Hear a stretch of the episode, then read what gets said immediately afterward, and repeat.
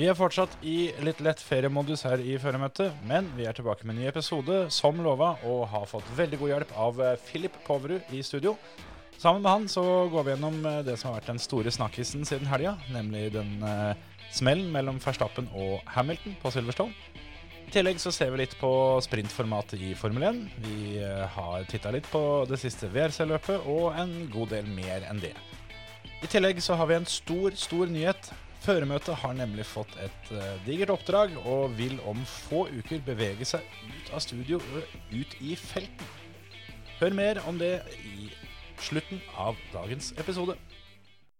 Three, two, one. Yeah. Five left bus opens, 20, left six right bus to crest.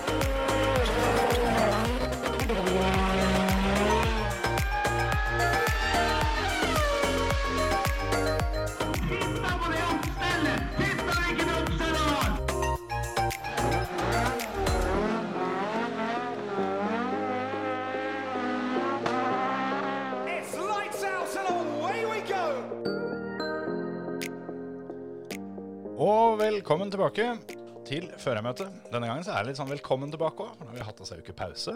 Nå har det vært eh, ei uke med juks. Ei uke med juks, det er faktisk helt riktig. Både, både inne i studio og utafor, er det det du tenker på? Ja, ja, ja. Så fint. Så er vi tre stykker i dag. Det er vi. Forrige gang så Vi var tre da òg, forrige uke. Ja, men det var juks. Ja, ja. Men vi, vi var tre da òg. Det er, det er sant. Forrige gang vi var i studio, var vi bare to. Ja, det er sant. Men forrige gang du, du var her, så døpte vi deg vel til vår egen Hulkenberg. Ja, Så velkommen tilbake, Philip Hovrum. Jo, tusen takk for den. Hva syns du om den? Er det, er det Ja, jeg tar den i dag òg, jeg. Ja, så det- er ikke noe problem. Helt greit. Vi har jo ikke hatt noe sånn supersub i Formel 1 så langt den sesongen her. Har vi det? Nei. Nei. Har ikke det? Har vi hatt, er det noen andre som har hatt det? Nei. Lite av det. Det er vi, da. Det er vi. Trendsetter her. Nå kommer hun til å hagle inn. Bare Ja, vent. ja, ja. ja. Jeg har jo fått høre det at eh, vi er influensere her, så det er klart at det, vi kan være trendsettere her også. Influensere eh, tjener mye gryn, har jeg hørt. Og der eh, er det nå vi skal liksom opplyse om vips nummer og sånt? Eller Ja, ja. hvordan fungerer det greiene der? 92, 62, 94. Topp. Ja, har dere hatt en fin sommer da, gutter? Ja, jeg er jo i pappapermisjon fortsatt, jeg, så jeg koser meg. Trivelig det. Det er eh, bleiebytting og grøtmating og ja. Du sendte meg en melding tidligere i dag at du hadde sovet to og en halv time i natt. ja, det stemmer det. En time mer enn meg. Ja, så, eh, Sjæl så klokka er ni og en halv. Jeg har frysi som jeg ikke kan huske å ha frysi før i natt. Og det er godt gjort. Åssen fikk du til det? Sov du i vannet? Nei, det hadde vært varmere, tror jeg. Hvorfor gikk du da ikke og la deg i vannet? Faktisk ikke kødd engang, at det var varmere i vannet enn det, det, det jeg var. Nei, jeg sov, sov i forteltet på en campingvogn, og det ble jævlig kaldt om natta. Det, her. Ja. det hadde jeg ikke regna med. Men nok om det. Jeg skulle ikke egentlig ødelegge, ødelegge den Altså, du har pappaperm, Filip. nei, det er jo egentlig ikke så veldig mye mer å si om det. det, det, det dagene går eh, med å gjøre det samme, egentlig. Ja. Så snart litt ferie på meg også. Ja, jeg, jeg tenkte på det, at det, pappaperm og ferie er jo ikke det samme, selv om det er mange som tror det. Det kan jeg skrive under på at det er ikke. Det, det er mer, altså Jeg gleder meg til å komme tilbake på jobb igjen, for da kan jeg begynne å få litt fri. Mm. Jeg jo husker jeg endelig skjønte hva det uttrykket der be- betydde. At det kom seg tilbake på jobb og få slappe av litt. Det, det stemmer bra, det. Du Ja. og Terje, Jeg har vært på bobiltur. var det gøy? Det var veldig fint. Ti dager. Ja. Jeg har hilst på samtlige bobiler her jeg har møtt. Omtrent i hele Norge, tenker jeg. Svært. Det er, til dere som har bobil, dere er dårlige på å hilse tilbake. Noen av dere er flinke. Ja. Jeg husker jo veldig godt da jeg kjørte den samme bobilen og du satt på når vi skulle til Bjorli for å være med på talentrace for noen år siden. Som, Eliterace. Det var det det var. Talentrace skal vi komme tilbake til etterpå, for det er jo mye mer spennende. Ja. Men eh, ja, du eh, som passasjer satt og hilste på hver eneste bobil vi møtte. Ja, men det var for at du ikke hadde lyst til å gjøre det. Ja. Fordi du syntes det var så flaut. Så Nei, da var det enda flaut. mer Flaut er ikke ordet, altså. Teit er ordet. Ja. Men eh, jeg hilste på de fleste, ja, også. men jeg fant det sånn eh, før klokka tolv. Da er det ikke så mange som hilser. Men etter tolv da har liksom folk fått ete litt lunsj, og da er de, eh, da er de på godsida. Fått inn tolvpilsen. Ja, Ja, det tror jeg. Mm. rett og slett. Mm. Det har jeg nemlig lært, for jeg har vært på campingtur noen dager jeg nå. Det, det er et eget konsept som er tolvpils. I gokartverden så er det klokka ti pils. Den har jeg lært av Philip. At det, du kan ikke være på gokartløp i utlandet hvis ikke du drikker øl før klokka ti. Nei, nei, men det er, altså, det er jo ikke sånn at uh, tipilsen utelukker tolvpilsen, eller Nei, nei, nei. nei, nei. du, må ha, du må jo ha en mellom ti og tolv òg, egentlig. Ja, ja, må ha en ventepils hvis du skal Ja. komme deg gjennom dagen. Ja. Så, da er vi litt mer over på ferie, føler jeg. Ja. Det- det er ikke flaut, det. Vi, når vi eh, kjørte kokart for et team nede i Italia, så kom teamsjefen inn klokka ti og smalt ølen i bordet og sa det.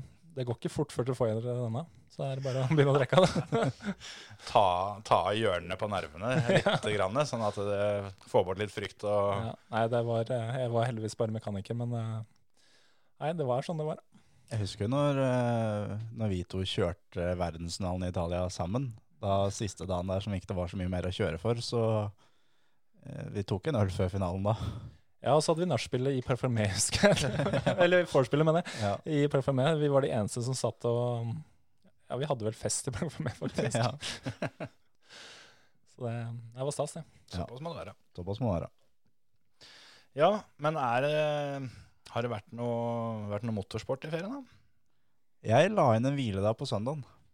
Sånn for å se på Formel 1 og siste delen av rally. Litt sånn fri fra ferien for å, for å få med deg det? Ja. Men var ikke du egentlig på andre sida av landet og klarte å komme deg i, inn i et depot og få fikla litt allikevel? Jo, jo, sånn helt tilfeldig så var det sånn at vi skulle til Bergen, og helt tilfeldig så var det gokarttrening der. Ja. Så da så vi på banen, da. Så det er sånn. Var ute og kikka litt. Da. Ja, Det var kjentfolk der. Og så, ja, ja. ja. Nei da, så jeg fikk, eh, fikk vært på gokarttrening sjøl i ferien. Mm. Du da, Philip? Nei, det blei jo titt litt da, i helga. Det må jo det. Men eh, det var jo søndagen og her òg som blir, blir satt av. Mm. Jeg kan ikke sitte og se på motorsport fredag, lørdag og søndag. Da tror jeg både unger og fruen hadde rivet seg i håret, for å si det sånn. Da bor det veldig plutselig aleine. Ja, ja. Men eh, det er ikke så dumt heller. så. Ja, men unga må oppdras, så, det, så, så de, de får bare lære seg dette. Ja da. her, Nei, altså. Fredagen så var det bare meg og Wilmer, så da ble det mye motorsport. Men eh, nei, når fruen kom hjem, så er det bare å skru av. Ja. Jeg eh, fikk det litt motsatt eh, på mange måter, men eh, For vi dro på ferie på søndag. Så um, jeg tima det sånn at vi var framme litt før Formel 1-løpet. I håp om at da skulle vi liksom ha landa nok til at da kunne jeg smyge meg til sides med det. Det gikk sånn midt på tre, føler jeg. Så jeg fikk sett på en del, men ikke, ikke alt, dessverre. Det var vel fint for deg at det ble rødflagg, sånn at du kunne få ordna litt og fiksa litt. Det stemmer. Det var, det var, det var veldig bra tima. For det, jeg, altså, i de få sekundene det var løp, så, så rakk jeg å legge merke til det at det var, det var ikke så populært at jeg skulle se det løpet. Det blei offa litt.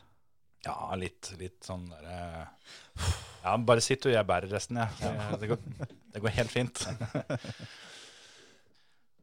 Men det var eh, Det var nok annet. Jeg fikk med meg ganske mye av, av rally og litt sånt. Men uh, vi må vel egentlig bare begynne der, eh, der det bør begynnes. Det, det er vel smellen. Ja. Det er vel den, eh, den det har vært mest, mest prat om etterpå. Som uh, Nå har jo forhåpentligvis folk fått kjøla seg ned, siden ikke dette her kommer ut før på torsdag. Så, så det er på tide at vi er ikke fyrer så, opp igjen. jeg er ikke så sikker, jeg. Nei, jeg kjenner meg i hvert fall ikke det. Så Med de kommentarfeltene som er på Facebook om dagen, så er jeg ikke så sikker på at det der noen gang kommer til å kjøle seg ned. Nei, det, jeg tror faktisk at det der er en sånn type smell som eh, eh, vil, ha, vil ha sine tilhengere på begge sider til evig tid. Mm. Ja. Og det er ikke noe vi får gjort med det, men vi kan prøve. Ja, jeg jeg syns det er bra, jeg. Med litt engasjement. Ja. Ja, ja, ja, for all del. Altså, det, er jo, det er jo sånn som vi har sagt før, den sesongen her eh, har jo alt. Så Mm. det, det har bare mangla dette her, at du på en måte virkelig eh, bytter ut den spikerkniven med ei ordentlig øks, og så begynner du å hogge litt, Ja. at det blir litt eh, temperatur. Da, da tror jeg det kan bli bra, ja. Altså jeg, jeg ser på det på litt annen måte òg, at det må være positivt for Norges Bilsportsforbund. Sånn, sånn mangler juryer fram, framover, så kan de bare gå gjennom kommentarfeltet. Altså, han, han kan vi ringe, han hørtes smart ut. For der har de eh, nok å hente, for det sånn. Ja, det er mange kompetente der ute. Ja, ja. Mange med fasit. Veldig mange som er på lik linje med dagens dommere. Rundt om i motorsport. Ja, men da er jo problemet løst. Yes. Ja, hva syns dere, da? Er det, er det sånn at det oppsummerer den smellen med to ord? Ikke straff, kan jeg oppsummere med, oppsummere med i hvert fall. Mhm. Har du to andre? Uh, Verstappens skyld. Ja, det var jo Ja. Jeg hadde tenkt å si race incident. Jeg trodde det var de to opplagte ordene her. Som jeg, som, Ja, ja, men det, Philip, Philip tok mine to ord. ja, ja, Men det kan jeg være enig i at det er en race incident. Ja, det er ja, vanskelig det er å um, legge skylda på noen, egentlig. Ja. Jeg, jeg syns at det Altså det skal jo ikke ha noe å si egentlig hva de har drevet med i svingene før, men eh, det er de, de er ganske, ganske like gode hele veien, føler jeg. Og det er altså Shit happens when you party naked. Og det, når, du, når du begynner, begynner sånn, så går det gærent. Og det, det er sånn som skjer, tenker jeg.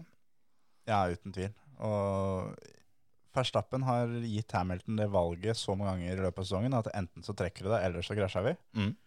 Og der, vi har på en måte savna litt det at Hamilton ikke skal trekke seg. Og ikke la Verstappen bestemme hva som skal skje hver gang. Og når Hamilton nå var i en posisjon som han følte at eh, her er det jeg som har sporet, jeg har inneren, på en måte, og ikke trekker seg, så Eller han trekker seg jo, men han trekker seg for seint. Mm. Men eh, etter min mening så skjer jo krasjen fordi da Max svinger inn for mye, og rett og slett bare uh, Han ser at Hamilton er der, og regner med at eh, nei, du trekker deg igjen, du, sånn som du alltid har gjort. Mm. Så da kan jeg bare ta linja mi sånn som jeg pleier å gjøre, og så, og så går det fint. Men uh, bare i løpet av den første halve runden så får jeg Hamilton det valget der to ganger. Mm. Enten så trekker vi der, eller så krasjer vi. Så det, det kunne smelt allerede i turn én. Mm. Ja, ja, absolutt. Det, det, det har vært De har vel hatt De hadde vel litt kontakt i en, eh, en tilsvarende situasjon. Altså ikke lik som denne, men at uh, han, han ga det samme valget i, i turneen på Imola. Og, Mm. og da var det kontakt. Men uh, Og så hadde vi Og- vel samme i Frankrike. Uh, var, var ikke det når Hamilton kom ut av depot der sånn?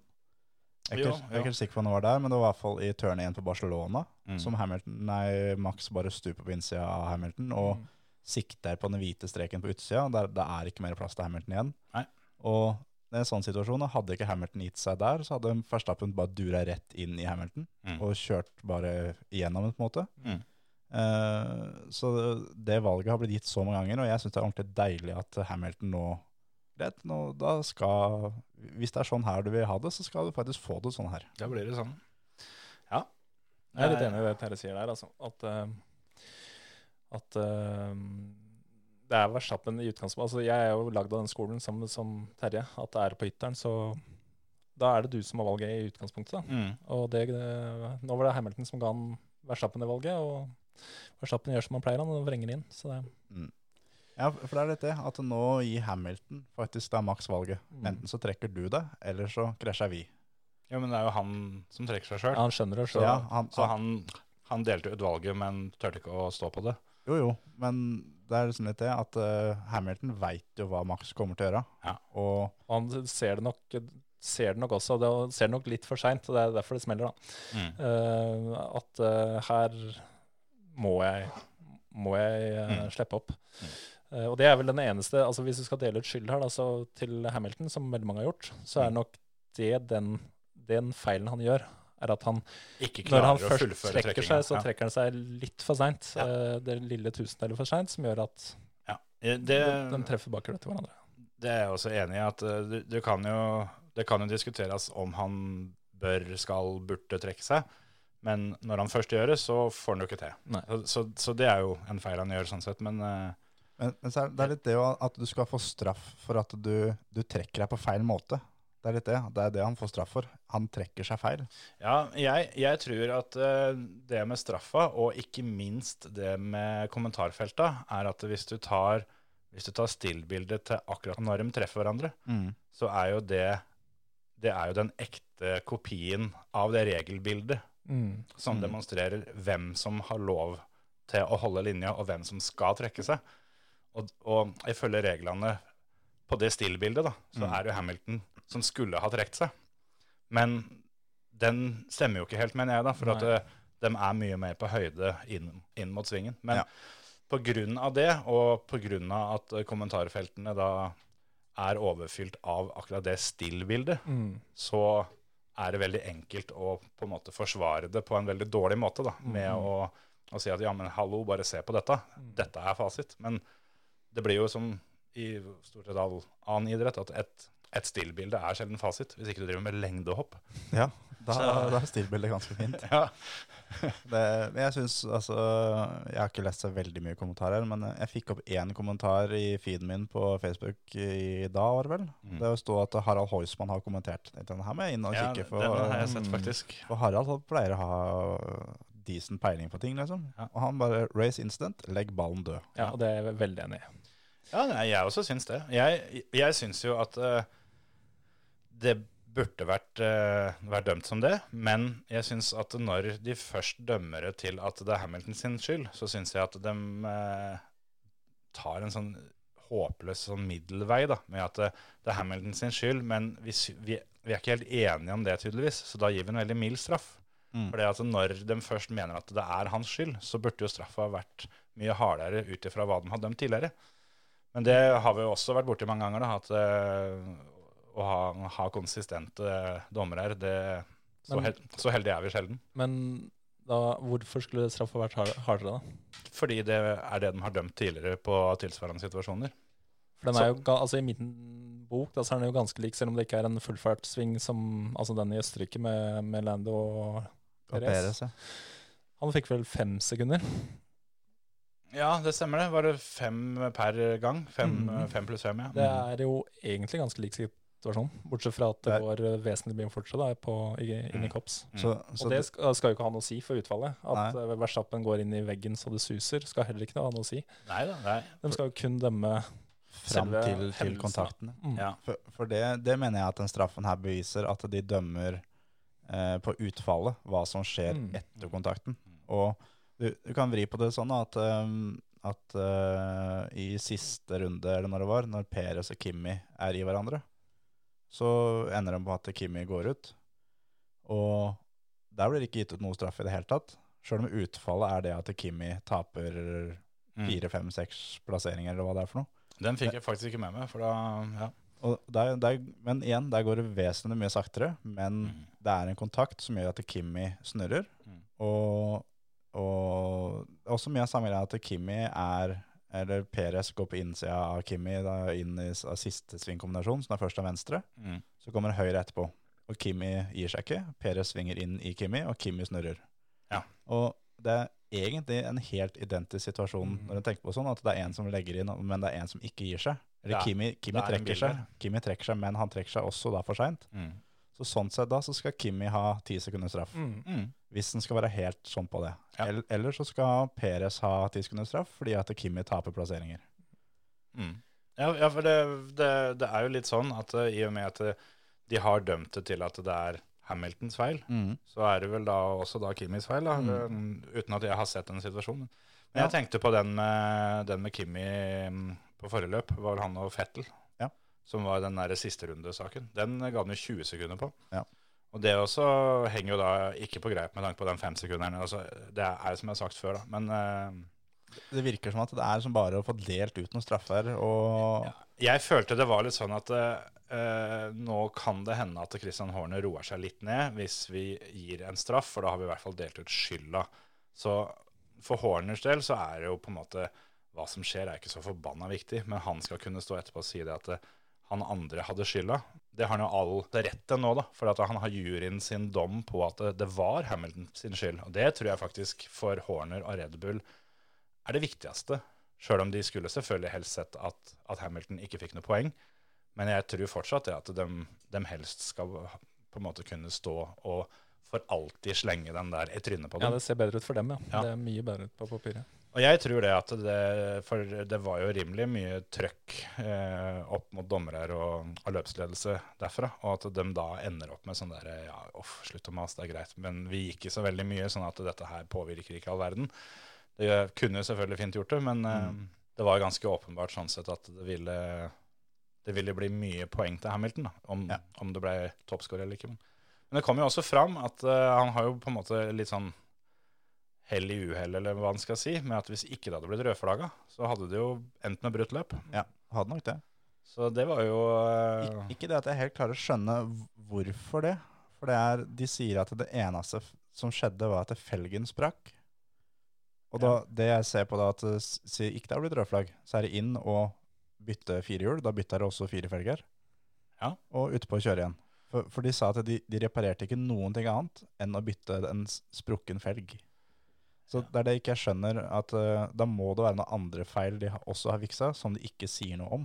Ja, jeg tolka det til at det var, det var noe sprekt i opphenget hakket lenger inn. At det var den der um, Breakduct. hva det var for noe, som, eh, som felgen sitter i. da. Ja, kan hende. Men uh, jeg heller så Jeg så ikke på mens det, mens det var rødflagg, så jeg fikk jo ikke med meg hva den bytta ikke. Men jeg bare så at de sjøl var ute og sa at uh, uten, uten rødflagget så hadde det, ble, hadde det blitt brutt løp.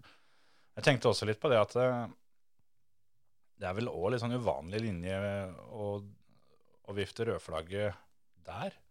For det, er, det var jo ikke sånn at barriera ikke var der lenger. Den var bare at det var litt dekk som var flytta på. Han var jo knapt nok borti grusen, så det var jo ikke noen sandfeller som var påvirka. Men, Nei, eh, men jeg tror de måtte reparere ganske mye på barrieren der, altså. For det ble rødflagg i var ikke 50 minutter eller noe. ja. Jo, jo, men liksom, ut, ifra bildene så kunne det nesten se ut som at uh, hvis de ikke hadde gjort noe, så hadde det tålt at det gikk en bil til der. Hvis det, hvis det skulle skje så sjukt at det akkurat samme sted skjedde en gang til. Ja. Men uh, Men, men det er litt det at det er raskeste svingen på hele banen, og jeg tror de skal være helt sikre på at det tåler en tur til, enn at Ja. de er sånn Ja, det, Det går, det ja. går nok. ja. for sånn har de gjerne gjort før. Det, det begynte de jo med forrige sesong, at de har vært mye mer trigger-happy med det rødflagget. Og det er jo det er bra, det. Det, Ja. det. det skal være safety first uansett. Absolutt. Men så er det også, med tanke på den smellen, altså mot slutten av løpet, så Hamilton tar igjen Charles uh, helt, helt, helt på slutten. Det er Mm. to runder igjen. Mm. Inn i den samme svingen, og da går det helt fint. Han trekker seg vel første gangen han prøver, i hvert fall. Uh, Ja, da, da trekker han seg, men når han kjører forbi, det er jo i samme svingen. Mm. Og han gjør akkurat det samme da som han gjør mot, mot Max. Mm. Trekker seg lite grann. Og det, Ferrarien kjørte bare prøver å holde rundt på ytteren. Det går ikke. Får en liten overstyring ut på curbsen og inn igjen. mm. Så Men med vesentlig lavere fart. da. Han, jo, jo. eh, han trakk seg jo, han òg, på en måte. Ja. Så det er, det er liksom det at den, den situasjonen uh, i første runde hvor det smeller, den kunne vært Ja. unngått. Det hadde jo vært helt fint hvis Jeg tror at begge to hadde klart å unngå smellen. Ja. Men uh, Det er to stykker som kjemper om uh, mesterskapet, rett og slett. Og, ja, det blir litt sånn derre race of chickens, på en måte. Mm. At den, den som gir seg, taper litt ansikt. Og nå hadde det, har det vært ganske mange ganger hvor det har vært Hamilton. Så Mm. det er jo forståelig at han til slutt ikke gidder det mer. og Hamilton måtte egentlig prøve.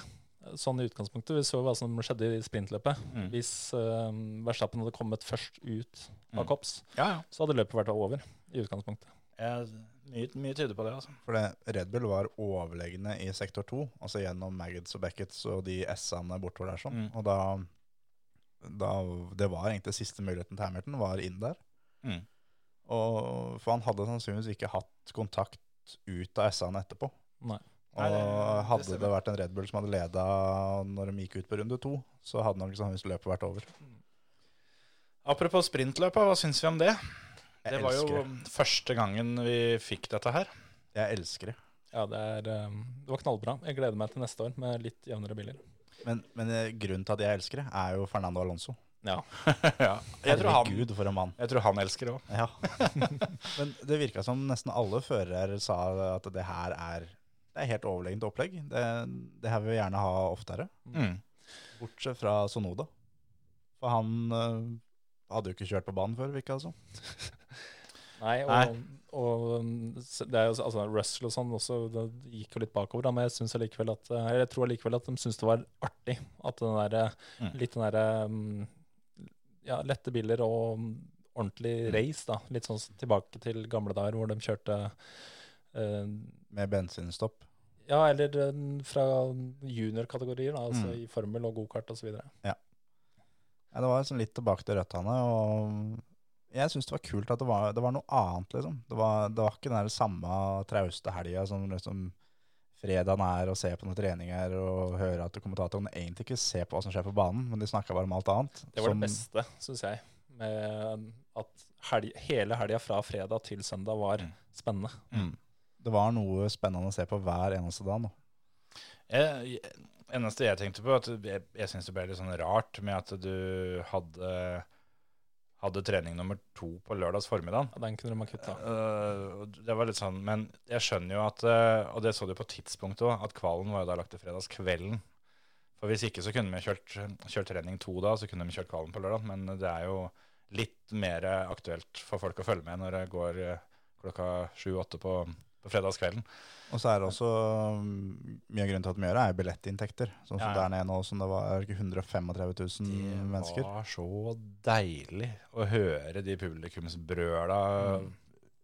Altså, spesielt på kvallen var jo da du nesten hørte det best. Ja. Runden til Russell, da satt jeg med gåsehud. ja. ja. Det var ordentlig rått. Og det Men det, det er jo mye av det, da. At da nå må skal du på, eller skulle vært på Silverson i helga, du må ha billett til fredag, lørdag og søndag. mm. Du kan ikke bare ha lørdag og søndag, som mange har hatt før. Mm. Nå må du ha fredag, lørdag og søndag. Jeg eh, tror vel dette har kommet for å bli, men jeg tror formatet blir endra ganske mye. For det, det de gjør nå, er jo egentlig å, å bare teste det ut, men uten at det Det har jo i praksis veldig lite å si. Men jeg forventa litt at de eh, ender opp med å kjøre tidskvalen, og så er sprintløpet kommer til å gi en del poeng, men jeg tipper at det blir eh, en slags reverse grid-variant der.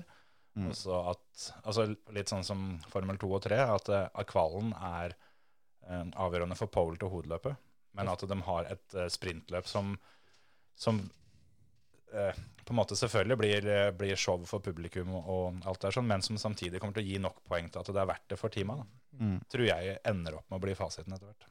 Men jeg leste også en annen ting som eh, det sprintløpet eh, En ulempe med det. For Mm. det er jo sånn for alle løp eh, en bil bryter, sånn med at det er noe feil på bilen, så økes budsjettet du har lovt å bruke det året, med 100 000. Mm. Peres brøyt det løpet, sprintløpet, og da har Red Bull da 100 000 dollar Mm. mer å bruke i budget cap det året her. sånn. Ja, han Så- trengte vel ikke, ikke bryte, det tok han vel bare inn rett før det var For ferdig. å- Mm. for å gjøre det. Ja. Og Men det er jo ikke ei frontving engang, på en måte. da. Så det er, Nei, nei, men, men, eh, men det er jo noe. Det er det. det er sånn at de, altså Red Bull, Ferrari, Mercedes de er så på grensa Mm. til eh, den der, der sånn, så 100 000 dollar fra det til, det kan faktisk avgjøre ganske mye. Og jeg ser for meg at eh, de kommer til å utnytte det her ganske mye mer i løpet av sesongen. Jeg tenkte det samme, fordi jeg hørte at det var sagt at, eh, at, at kostnader som de får i forbindelse med sprintløpet, ikke skulle telle med. Mm. Og Da tenkte jeg at da passer det vel på at eh, alle girkassene ryker jo fort i det sprintløpet, på en måte. Ja, ja. Det er, det er som hvis du kjører på en sau der langs veien. Det er den mest verdifulle sauen til den bonden som fins. ja, ja, ja, det er klart det. Så det er klart at alle girkasser og motorer de ryker i det sprintløpet. Det da. Det, det er jo sånn jeg tenkte at det kanskje Men de har jo, de har jo tenkt på det, det her sånn. Så til å begynne med så var det jo ikke noe, men så var jo teama inne og klaga, og da kom det jo noen endringer. Men hva som det faktisk endte med, er jeg ikke sikker på. Men det var noe snakk om at eh, ekstrakostnadene som er faktiske til det sprintløpet, da, det, det vil ikke telle med. Men det er greit nok, det, siden det er et sånt testprosjekt. Men ja. jeg, jeg syns sprintløpet var eh, helt overlegent. Men det var veldig mye av Alonso. Det var ikke noe spennende i front, for det Verstappen hadde jo en perfekt start og kunne bare reise. ja, den var jo avgjort, som du sier, idet de gikk ut av Kops. Og, men det var det som det Alonso henta han ikke fem eller seks plasser i første runden. Starta 11 og var fem. Ja, 11 til 5 på den første runden. Og ble sju. Ja. Så um, Og der, eh, der kan du snakke om at straffa burde vært gitt, altså, for der var det mye veiving fram og tilbake. og Ja, han eh, Hadde han kjørt bilcross, eller hadde det vært bilcross, herregud, så langt ut, utafor banen han hadde stått.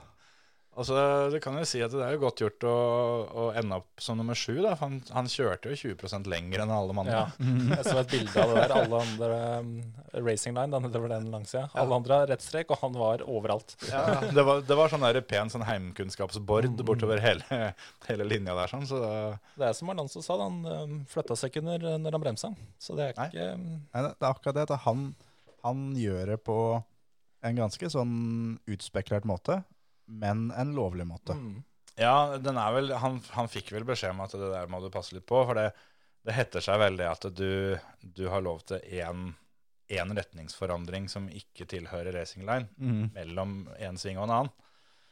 Så, men hans retningsforandring var jo på en måte konstant. Så det var bare litt sånn ubesluttsomhet. Ja, jeg tror det. Men eh, det, var, eh, det var fett å se når det faktisk skjedde litt. Og det var jo sånn som vi snakka om etter Baku, eh, når vi fikk den restarten hvor det var bare to eller tre runder igjen. eller noe sånt. Men som vi tenkte at her er en bitte liten forsmak på hva dette sprintløpgreiene kan være. Mm. Og han òg var jo helt overlegen den gangen. Alonso er helt dritrå når jeg starter. Mm. Og det er mye biler rundt, Mm. og han tar nesten alltid de rette valga. Får jobbe litt rundt og, få posisjonert bilen og alt sånt noe. Han er veldig veldig dyktig på å lese hva som kommer til å skje. Mm. Han er veldig ofte to-tre svinger lenger fram enn veldig mange andre. Jeg tenkte på forhånd at jeg syns kanskje um, at, uh, at løpet var for langt. At jeg gjerne skulle sett at de hadde kutta det ned en del. For jeg syns slutten på Sånn, løpet sånn rundt var regna to runder. Nei, men at det kunne holdt med ti, da. De, de kjørte vel 17. Å ja, sprintløpet. Jeg tenkte på hovedløpet. Å ja, ja. ja, For du, da eventuelt så hadde du og Ferrari vært veldig gira på å ta to runder mindre. ja, ja eh, sånn for fantasyen min så hadde det beste vært også bare målflagga i sving fem. men, eh, men ja, nei, jeg tenkte på sprintløpet at, eh, at det blei for langt. Men det var jo snakk om på forhånd at det skulle være 50% av hovedløpet, og det, det blei vel ikke det. Det var vel en, en god del mindre Ja, enn det. det- 17 runder, det er vel 75 da, kanskje. Ja, og da Eller 25. Ja, ja. Nei, for det, men, men så tenkte jeg etterpå at det var nesten litt dumt at ikke det kanskje var et par runder til. For vi kom jo til akkurat det punktet hvor dekkvalget faktisk begynte virkelig å, ja, spille inn. Sånn sett er det, burde det kanskje vært litt lenger. Ja. At de måtte tenkt litt mer på dekka. Mm. Selv om det er jo Hadde det vært fem runder til, så hadde jo alle kjørt medium. mm, Mens, eh, så det var kanskje riktig det. da, at de, de, de fant det der brytningspunktet at hva er egentlig best. mm. For der hadde det vært fem runder mindre, så hadde alle kjørt soft. Yes. Ja, De aller fleste. Da hadde du fått motsatt. Da hadde du fått en fem-seks stykker som hadde kjørt medium, istedenfor en fem-seks stykker som kjørte soft. Ja. Mm. Så jeg tror kanskje de eh, fant uh, ei ålreit linje der, altså, som, uh, som funka. Men uh, Men banen er, banen er kul, men sånn racingmessig syns jeg banen er litt kjip. For det er, det er vanskelig å kjøre forbi der. Jeg syns det er uh, en av de bedre banene, faktisk. Ja, så Layouten sånn- og alt sammen er dritkul, men altså sånn får jo Du får jo noen mye forbikjøringer Ja. og sånt, da. Jeg syns det var litt snaut, det, altså. Eh, ja, det, men altså, nå kommer vi jo fra et par uh, helger på Ja. den Red Bull-ringen og sånn, så det skulle ikke så mye til at det ble litt fett. Men jeg vet ikke. Jeg syns banen er eh, det er, altså, det er morsomt å se bare Formel 1-bilene kjøre der. Mm. Sånn, eh, sånn fartsmessig, men eh, jeg syns også banen egentlig byr på ganske god, god racing. Da. Eh, Og det er mer enn nok av muligheter for å kjøre forbi i Ja. utgangspunktet. Det er det. Nå neste så er det jo uh, Hungaroring. Der blir det ikke mye forbikjøringer. Så det, Nei, der er det kvalen som gjelder. Det var jo eh, Det husker jeg jo når vi, når vi hadde Marius Gjevik innom. Han sa jo at Hungaroring var uten tvil det, det løpet han ville anbefale folk hvis de skulle dra på ett Formel 1-løp. Mm. Så jeg har gleda meg litt til dette her, sånn, for det må jo være gøy å se på, tenkte jeg. Men det kan hende han mente on location. stedet Jeg har vært i Budapest på Hungaroring, ikke på Formel 1, men eh, med broderen som kjørte der. Og byen og stedet er Ja. kjempefint. Det er jeg helt enig i. Jeg har vært Eh, masse der, og det mm. er en nydelig by. Men eh, banen byr ikke på god racing, altså.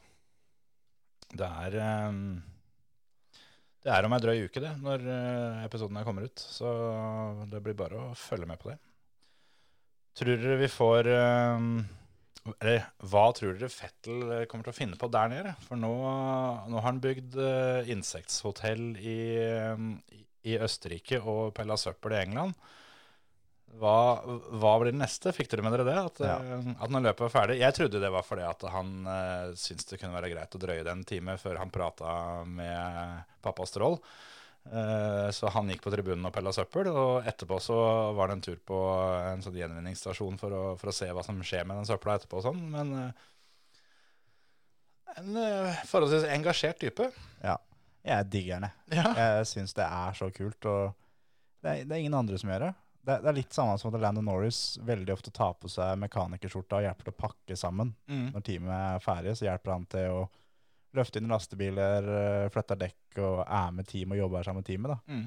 Og at Fettel da nå syns at det var mye støppel rundt omkring. Mm. Og greit, gi meg et par plasthansker, så skal jeg pelle av søppel. Jeg sammen med dere. Ja, ja. Det- Jeg er, ikke, jeg, liksom, jeg er ikke noe mer verdt enn dere andre, liksom. Nei. Jeg, jeg digger det. Jeg syns hele fyren er eh, dritrå. Ja, jeg, jeg jo begynner, å, begynner å virkelig å mjukne opp for, for den typen der. For det Jeg, jeg syns det er, er bra med de som eh, på en måte walk the walk. Det er, det er, det er veldig mange som prater om eh, at det, det er viktig at folk bryr seg om det ene og det andre, men det er ikke så veldig mange som nødvendigvis gjør så mye med det. Nei. Er akkurat det. tommel opp for det. Og han, han har gjort så mye annet kult òg. Ja. Sånn som eh, var vel i fjor, som eh, når det var på Monza, så ordna vel han personlig billetter til 150 da sykehusansatte i Italia. Ja, ja, ikke sant? Og, og da så sa, fikk han da satt opp sånne der skilt av andre mennesker. Ja, stemmer. Så han fikk sitt skilt av seg sjøl og Charles på tribunen der. Og Ja. eh, han gjør ganske mye, mye annet, rett og slett. Jeg syns det er kult det, at når du kommer i den posisjonen som han er, og har den statusen han har, ja, for all del, bruk det til noe, da. Det tipp topp, det. Enn å bare liksom kjøre løp og legge beina på sofaen når du er ferdig. Jeg går på motorshow og sånn som mange av de andre gjør. Ja. i eh, Nå har han ikke privathet lenger, men eh, ja. Jeg så Daniel Ricardo eh, var jo og så på fotball-EM. Satt ved siden av noen kjendiser der.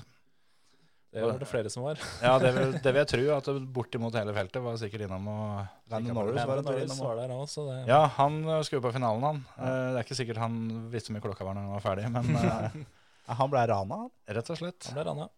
Nei, altså når du, når du vimser rundt med ei klokke til jeg tar faen, jeg, mellom 1 og 2 millioner kroner, eller hva det var Det er klart at uh, Det er også da at du går ut av en bil som har vært mellom en, Ja. en og to eller tre millioner. da. Ja, og du har, du har lagt ut på Instagram at du har på deg, har på deg den klokka og hvor du skal hen. og litt sånn. Altså, det er ikke dermed sagt at enhver skurk veit akkurat hvor man skal finne han, men eh, ja, det var kanskje ikke så lurt, da. Nei. Men eh, jeg tror ikke han var den eneste som ble rana rundt der. Og Nei, for all del ikke. Jeg Det tror det var ganske greit. greit, med Men det er jo litt sånn, tenker jeg da, at når du- Han er jo, er jo fra England òg. Du veit jo at Wembley ligger jo ikke Det er ikke akkurat Oslo vest-standard rundt der. Og da Jeg var litt sånn overraska over at han skulle flashe så fælt akkurat der. Men mm. Jeg var litt overraska at han kjørte. Jeg tenkte som åssen i helvete skulle finne parkering og sånn. Det var det jeg tenkte på når jeg så at han hadde kjørt dit. det er jo da, når du, når du har penger nok, da, så tar du en billig drittbil, og så bare setter du den fra deg, og så eh, Er det hjemme igjen? tar du taxi hjem. Nei. Men den var ikke dyrere den klokka da, enn at han hadde en ny en i helga. Ja, for det var jo noe sånn limited edition-opplegg, Yes. så det er klart han hadde en til. Ja, ja. Det var ikke så limited. Jeg tipper at uh, den klokkeprodusenten uh, syns dette her var helt greit, for det, de fikk seg, fikk seg noen overskrifter verden over. mm. Fikk greit med PR. Men vi må jo også, mens vi er eh, fortsatt på Silverstone, Ja. så, og den smellen som var, så må jo bare understreke det vi òg, at uh, alle da rasistiske kommentarer som kom mot Hamilton etter løpet, det hører ikke noe sted hjemme, altså.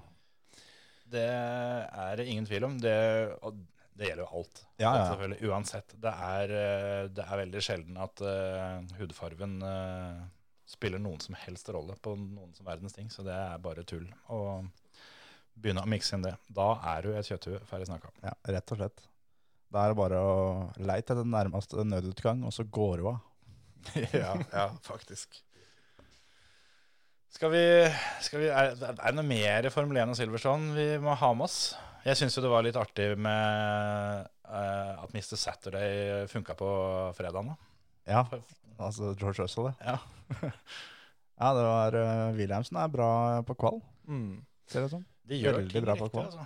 Men de sliter veldig med å følge Ja. med den bilen. Mm. Uh, og det, det, det han sier, da, er at sånn énrundespill, det er det i utgangspunktet. Men uh, følge andre biler og det der luftrommet som blir da, der funker ikke den bilen i det hele tatt. Det var litt det samme som, uh, som Has sleit med i var det forfjor. Mm. Som de kom fra en sesong hvor de gjorde det veldig bra totalt, og så plutselig så var bilen bare totalt bæsj. Ja. Mm. Og vi har jo snakka om at vi har jo sett at Mercedes har vært så vant til å ligge foran at de jo hadde litt trøbbel med det samme. Og, men uh, den er jo veldig mye bedre på en hotlap også enn det den var før. Så Mm. det er jo òg det at det, det blir gjort noe riktig inne i den garasjen om dagen. altså. Ting har skjedd, rett og slett. Har det. Um, jeg tror altså det Johs Capito driver med der nå, det, Mm. han gjør mye riktig. Jeg Og tror dem, han fortjener lønna si om Mm, dagen. mm. Og de bygger stein for stein, og um, kanskje allerede neste år så er det et, uh, et team som kjemper altså på riktig side av topp ti, da, for å si det sånn, Mm. i hvert løp. Så leser jeg også det at de har jo satt uh, Hulkenberg på lista si nå over uh, sjåfører som Mm. kommer, så da Eller kan komme. Spennende. Jeg håper vi får Hulkenberg tilbake. Ja, Det blir liksom ikke en komplett sesong uten Nei. at han er inn- innom en tur. Men jeg rakk faktisk å tenke det, at det var hvis Verstappen hadde knekt armen nå. Mm. Hvem henter dem da? Hva, hva er det som skjer? Jeg, etter å ha tenkt meg om i tre sekunder, så skjønte jeg at det er Alexander Albon. Ja, men, ja. Uh, men det var sånn der, i de da Men- to og et halvt sekunder før jeg kom på Albon, bare kommer Hulkenberg inn, tror jeg? Nei, ja, jo, men altså, det der er en litt sånn artig tankeeksperiment. For det, når Hamilton ble sjuk, så var jo også det var jo også helt, helt sikkert hvem som skulle kjøre den bilen. Og det var jo ikke George Russell. Og det, er- det er jo et rykte som jeg syns er ganske spennende, eh, som er nettopp George Russell, at, eh, at Red Bull eh, er litt ute etter han. Hvis, hvis ikke han får, får setet til Bottas, Mm. at dem da tenker at da tar vi han. Mm. Og sett at, at Hamilton nå da knekker armen. Eh, og da hadde vært ute en god del løp da framover. Og bare betale han og, og hyre han inn med da lovnad om at uh, du får full kontrakt neste år. Det kan hende du er nødt til å stå over de siste fem-seks løpa i år, eller noe sånt nå, for det, når Verstappen kommer tilbake, så skal han kjøre. Men Mm. jeg tror ikke han takka nei. altså. Jeg tror George Russell eh, Da måtte han hatt penn og papir på at han skal kjøre Mercedes neste år, Ja. for at han skulle takka nei til et sånt tilbud. Ja. Det er faktisk sånn. Tror jeg kanskje Totto hadde kommet med det penn og papir òg. Jeg tror jeg òg. Jeg Men vil det nok er ikke miste den, ikke Altså, det er, jo så, det er jo så vanskelig å si, da, eh, hvor mye hold er i det at Hamilton eh, har veldig mye makt over hvem som skal kjøre bil 2, og at han ønsker at Bottas skal kjøre osv. Altså, det, er, det er så vanskelig å si. Så nå, f- nå fikk vi jo på en måte heldigvis ikke, ikke den situasjonen, da, i og med at uh, Verstappen uh, er like hel. Ja, Ja. Det er det viktigste også med den smellen. Ja, At, uh, han gikk ut av den 51 G, altså. Ja, Forrige gang det var 51 G, så knakk jo bilen i to. Ja. Mm. Det var jo, var jo Roman Grosja. Så um, det er det viktigste vi kan ta med oss ut av den helga er egentlig, er at han gikk ut av den bilen for uh, egen maskin. da. Hørte dere Team-radioen? Uh, Ja, den Ja. uh, vil jeg ikke høre igjen. Nei, den var eh, guffen, altså. Mm. altså. Den var til og med guffen når jeg hørte den, og det var dagen etterpå. Mm. Så jeg var klar over åssen dette hadde gått. Mm. Men det var fortsatt ganske guffent å høre. Jeg hørte den i dag, altså på tirsdag. Jeg Ja. synes den var ekkel da òg. Ikke sant? Så, Det, men det viser litt, da. Eh, både den smellen og, og, og for så vidt Grosjan-smellen spesielt. Den viser jo hvor sinnssykt sikker dette er. Altså, Ja. jeg, jeg tror ikke folk klarer å fatte det er ikke sikkert vi gjør engang heller, hvor mye 50G er. Nei. nei, det er helt latt. Jeg syns jo det er rart at det som er på At, at ikke hele kroppen er en sånn der suppepose etterpå. At alt som er inni den Ja, kroppen, bare er, er smæla og flytende etterpå. Ja. Det er derfor han ble sendt av gårde òg. Ja, ja. Så, så grundig undersøkelser. Mm. Men det, totalt nå da, så er det under ti poeng i teammesterskapet. Det er fire poeng der, og så er det åtte poeng vel i førermesterskapet nå. Red Bull og Max leder hver sin fortsatt. Og nå er det Fikk nå, rydda opp greit den helga her, da. nå blir det sånn. plata ned mattaen. Ja, nå fikk vel Red Bull eh, null poeng i konstruktør, og, og Hamilton eh, tok eh, ikke maks, da. Han, eh, Tok 25. Makspoeng. Han, han fikk ikke det ene, for det var vel det eneste Peres fikk til den helga, var å Knabbe det, ja. blokkere den. Men eh, Men på, for, for sesongen sin skyld, altså kunne ikke Altså, det er ikke mer perfekt. Ja. Både at uh, Max fikk null poeng nå, men også hva Max kommer med på sosiale medier dagen etterpå. mm. For nå, den fighten her, Ja. den uh, It's on. Yes.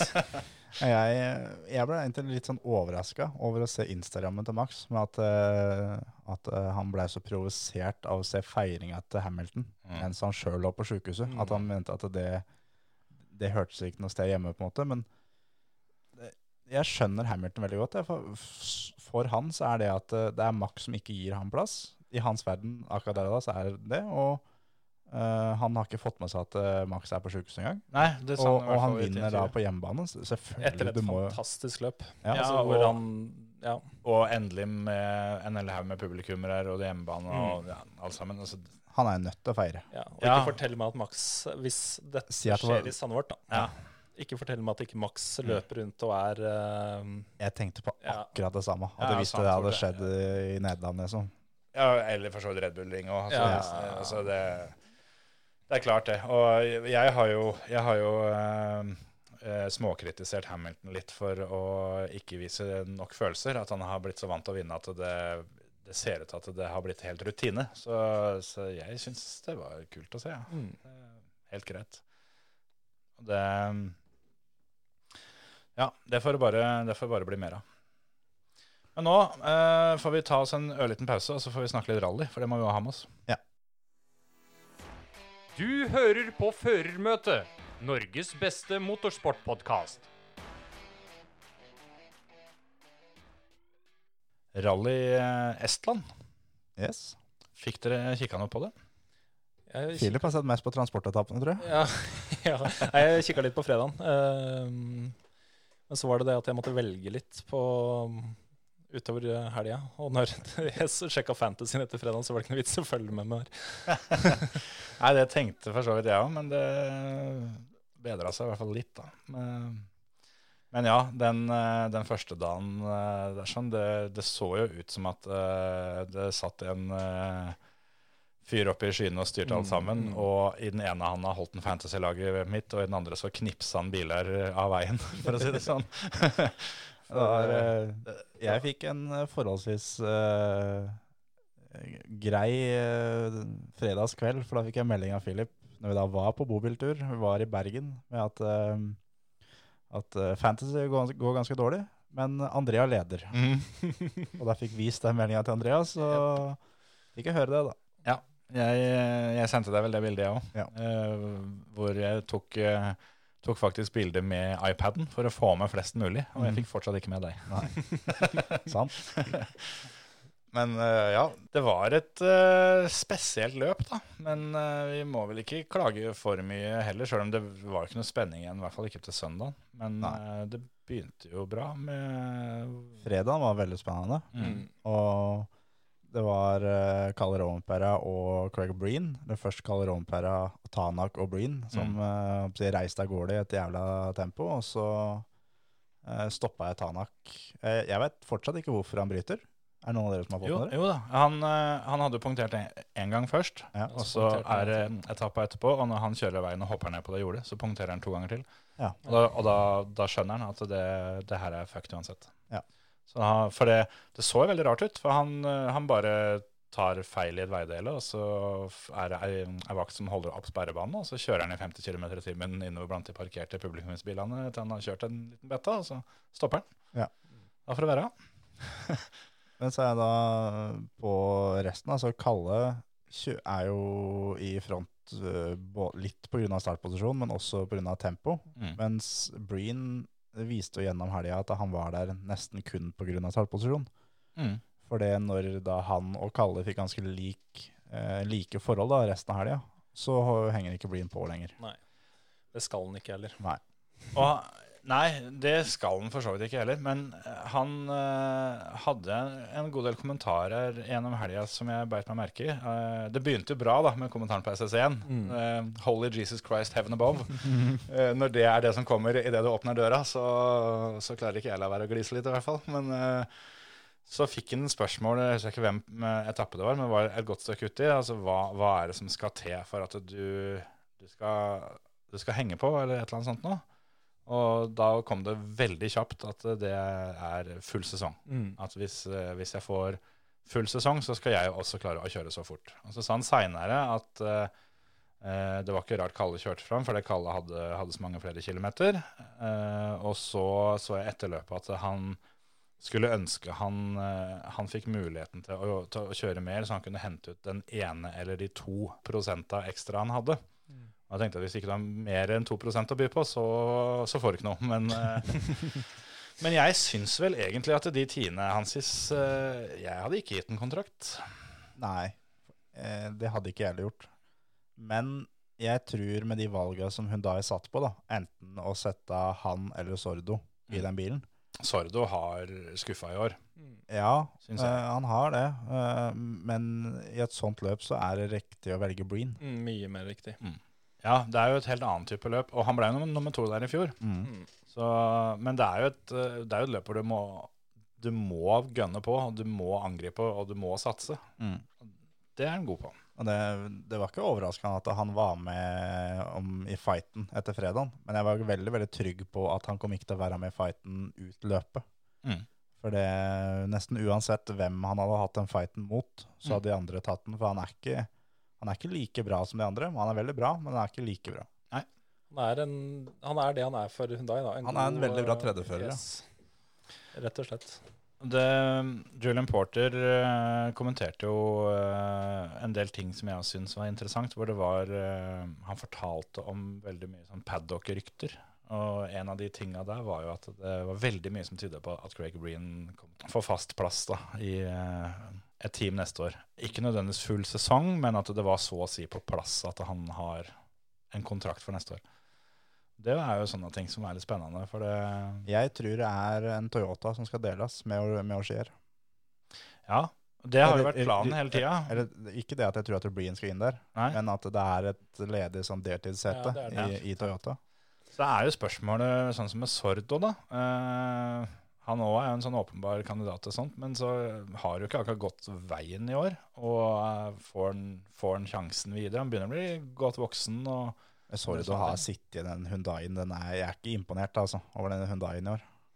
Nei, Nei. men, men, Det er men, en bil lagd av papir, altså. men Sordos Hundai har jo stort sett holdt sånn tålelig greit, men han har ikke nødvendigvis fått det til så bra likevel de, de gangene bilen har holdt. Jeg, jeg har i hvert fall hatt for mye trua på han da, i forhold til eh, åssen det har gått, men det kan jo være meg, det, da. Men Ja. eh, Ja, det er, eh, det er flere karrierer som du har avskrevet opp gjennom livet, som har kommet tilbake igjen.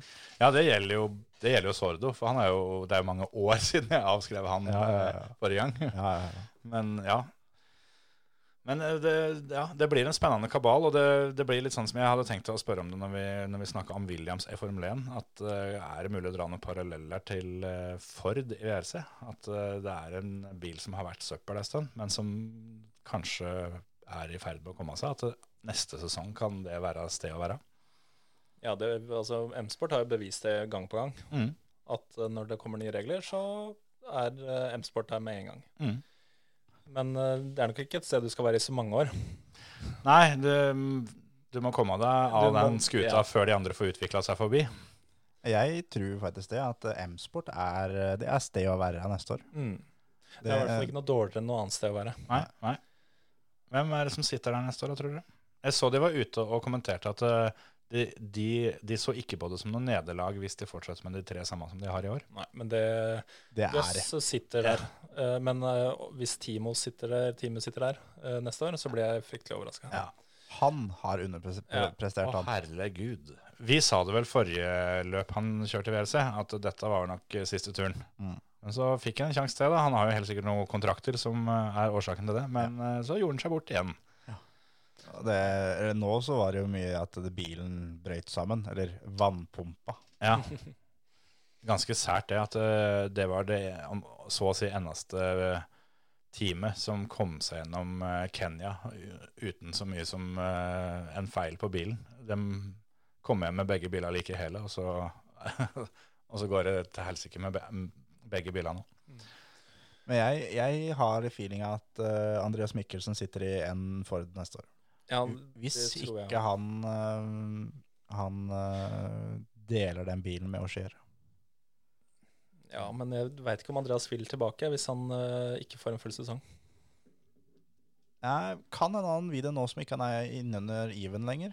Kanskje. At det var Even kanskje som styrte mye av det der Bedre enn ingenting, kanskje. Det Ja. funka jo for han han tok en deltidssesong, var det Citroën. Ja. Men, men, men, det som er med M-Sport, er at de har jo ikke flux med penger. Nei. Eh, Og derfor sitter Gus, Gus i den ene bilen uansett. Ja, ja. Eh, Men så har du med han der Format, Forma, Ja. som er Han kommer til å bli god. Han blir bra. Uh, Han sitter nok der, Mm. tror jeg. Så, er... så hvis de bare skal ha to biler da, Mm. som kjører fullt, så er det Gus og Forma som sitter i den bilen. Jeg tror ikke de vil slippe Forma. Nei, det tror ikke jeg er heller. Og da kan det jo være som du sier, da, at Mikkelsen må inn og dele en bil. Et annet, uh, annet rykte som Julian Porter uh, mer eller mindre bekrefta også, var jo at uh, Esa-Pekka Lappi kommer tilbake. Men han tror jeg ikke går tilbake igjen til Ford. Nei, Han- da, da er det Toyota, da. Ja. Men så er det det som jeg tenker, som, uh, som ødelegger litt tankegangen til den kabalen, er at uh, Augier har jo sagt at hvis han vinner VM i år, så er han eh, klar for en full sesong til. I hvert fall så lenge han henger med i VM-kampen. Ja. Og det tror jo jeg òg. Altså, jeg mener jo at uh, Det kan vi jo for så vidt ta kjapt i en liten oddsbit uh, helt på slutten. Men jeg tror Augier blir verdensmester i år. Og da Han skal jo uansett helt sikkert kjøre Monte Carlo. Mm. Og vi har antagelig gjøre det ganske bra der. Og da kjører han løp nummer to og fort løp nummer tre. Og så Ja, altså Hvis han begynner å kjøre sesongen neste år, så tror jeg det er han som bestemmer den Mm. kabalen. Mm. Ja. Jeg tror det. Og jeg tror han fortsetter så lenge han har sjanse til å ta tittelen. Og så Latvala har også gått ut og sagt det at Katsuta blir ikke flytta opp til hovedteamet. Nei. Han blir kjørende som den fjerde bilen, helt aleine, uten press. Bare kjør og kos deg, på en måte. Få erfaring. Og Mm. uh, han sa det vel nesten direkte, at uh, vinn et løp først, så skal vi begynne å snakke sammen. Ja. Og det tror jeg er helt riktig. At det, Katsuta har kommet inn i det her nesten helt uten erfaring. Ja. Har bare blitt uh, fostra opp da gjennom Tommy Mekken Mm. og gått skolen hele veien oppover. Og Han har jo akkurat fått seg sin første pallplass, så Mm. det er jo ikke sånn at det han er Og ikke den noe- fikk han ikke på reint tempo, for det er sånn. Nei, Nei. Han, han er ikke noe bankersvalg, han, for å, for å kjøre full sesong. Og det var kjedelig for han i helga for øvrig, eller kjedelig for Dan Barrett, eh, kartleseren hans. For det, de brøyt på transporten fordi Dan Barrett eh, skada ryggen sin. Jeg vet ikke helt hva det var, men eh, Over et hopp, tenker jeg. Altså. jeg regner med det at det er en sånn vanlig kompresjonsskade eller et lite brudd eller noe sånt noe. Men eh, Men jeg kom på en ting nå, sånn apropos rally. Hva syns vi om det som skjer på fredagen med tidsstraffer og, og tid som blir gitt tilbake og sånn? For Der er får Craig Breen Han blir hindra av Gus Greensmith. Eh, eller hindra, hindra. Nei. Gus Greensmith får problemer som gjør at han må stoppe siden av veien og kjøre videre igjen, sånn at det er støv. ja, Eh, Han- støv er helt vanlig i rally. han blir jo aldri hindra eh, på en måte fysisk. Det er Nei, bare nei, at han, han får nedsatt eh, sikt i enkelte partier. Ja. Mm. Og kommer til mål, og for det var et punkt som han må bremse på langslette. Eh, og, Må, må. Ja, eller han, han bremser balanserettet. Og det, da tenker jeg som litt sånn at eh, det her er jo helt vanlig rally. Mm. Støv er en del av greia, og Ja. vi holder på ute. Og hvis det er sånn at du, du bremser på langslettet, og du gir full gass igjen 200 meter etterpå, Mm. så enten så er det at han gjør med vilje for å vise at hei, se på meg, jeg taper tid på det her. Mm. Eller så har han så ræva noter at uh, han ikke egentlig hører på hva han sier, for at han kjører mest bare på det han ser. Jeg hørte faktisk kartleseren uh, ta med flere anledninger sa det, at eh, ta det med ro. Mm. Brems. Så det var kartleseren som oppfordret ham til det, at eh, her, eh, her må du ta det pent.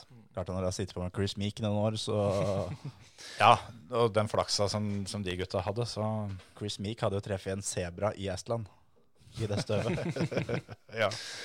Nei, men jeg, jeg er helt enig med deg, Terje, at eh, støv er vanlig. Ja, ja. Og det er liksom ikke noe du kan komme unna. da. Nei. Det blir det samme som at hvis uh, du får bakvind uh, i hoppsporten, da, Mm. at du skal få å lande på kulen. Mm. Så At du skal opp og hoppe på nytt, ja. Ja, eller at du bare Nei, da Du Da- landa på 90, ja. Nei, men du får 120. Da dømmer vi deg likt som han som vant. Mm. Det, Det, det, det sjukeste, mener jeg, altså det aller, aller sjukeste med det Jeg mener at han selvfølgelig ikke skulle få tilbake noe som helst tid. Men han fikk jo tilbake mer enn den tida han tapte, fordi han fortsatte å tape etterpå. Og eh, som han sa sjøl, at det er, du, du kommer ut av sona, da. ja, men det ja. Men det er jo ingen, ingen andres feil enn han. Nei. Så at han kunne fått tilbake det han tapte i den ene sektoren, Mm. hvor det var støv, Kanskje. det ville vært feil, men ok. Men at han skal få tilbake og bli dømt til lik etappeseier, det er helt sjukt. Fordi at han var ett tidel foran på forrige splitt før det var støv. Mm. Glem det, altså. Det, altså, altså. Hvordan kan jeg si det? Den linja der da, er så sykt skummel for hele sporten. For bare gå til forrige løpet, da, så var det vel Thierry Neuville som, eh, som var nødt til å bremse fordi det, det kom noen sjiraffer. Fikk jo ikke tilbake noe tid, han. Selvfølgelig fikk han ikke det. Nei. Og det har jo skjedd før òg, eh, spesielt på grusløp hvor det er tett skau, at det, det støvet henger der. Ja. Og det, det er jo en del av rally er at det er veldig stor forskjell på start som nummer én og nummer åtte. Og støvet er jo én ting som påvirker motsatt av, av kjøreforholdet. alt det her sånn. Det er akkurat det. Og det har jo vært situasjoner hvor førere har kommet til port der som har vært lukket igjen. Mm. Ja. eh, og måttet ut og åpne portene og sånn. Og jeg har fått tilbake noe tid. De har Mm. ikke fått tilbake alt. Mm. Eh, for greit nok, det er ganske sjukt at det skjer, men Ja det kan skje. Ja, altså det er, det er så mye det er, altså, Ta noe så enkelt da, som at hvis, hvis vi tre kjører etter hverandre, og så kjører Terje først, kutter en sving og drar ut en svær stein. Så kommer Philip, banker på den, punkterer, taper et minutt. Eh, Så kommer jeg, ikke noe stein her lenger, for den har jo, har jo Philip flytta. Kjører inn, alt går fint. Skal Philip da få tilbake den tida? Fordi at det er jo noe som skjer pga. på grunn av det føreren Mm. foran gjør. Ja, det er jo en Akkurat som ja. støv. Det er akkurat det samme.